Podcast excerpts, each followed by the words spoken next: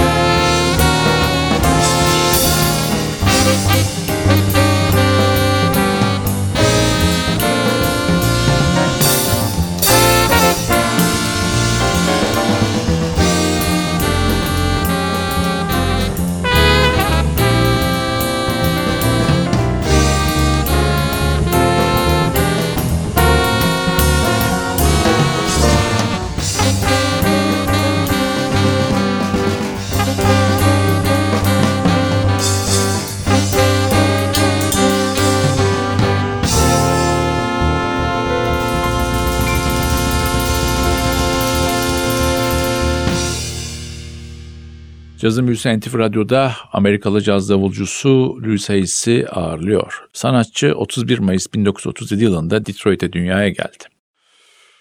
Babası araba tamircisiydi ama boş zamanlarında davul ve piyano çalıyordu. Annesi de evde piyano çalıyordu. Annesi dünya ünlü müzisyen Prince'in babası John Nelson'ın kız kardeşiydi. İlk davul ekipmanları Louis Hayes'e 10 yaşında yaş günü için hediye edildi. O dönemler onun için en büyük davulcu öz kuzeni Clarence Stamps'i ki o bölgede hayli hatırı sayılır bir üne sahip bir davulcuydu. Ve ilk teknik derslerini Clarence Stamps'ten aldı. 1950'ler Big Band'lerin altın çağının sonuna yaklaşan dönem ve o dönem radyoda hep onları dinledi. Peşinden de babasının plakları arasında bulduğu Philly Joe Jones plaklarıyla da kendini geliştirme imkanı buldu. Tekrar albüme dönüyoruz. Sırada Kenny Barron'ın bir parçası var. Ibis.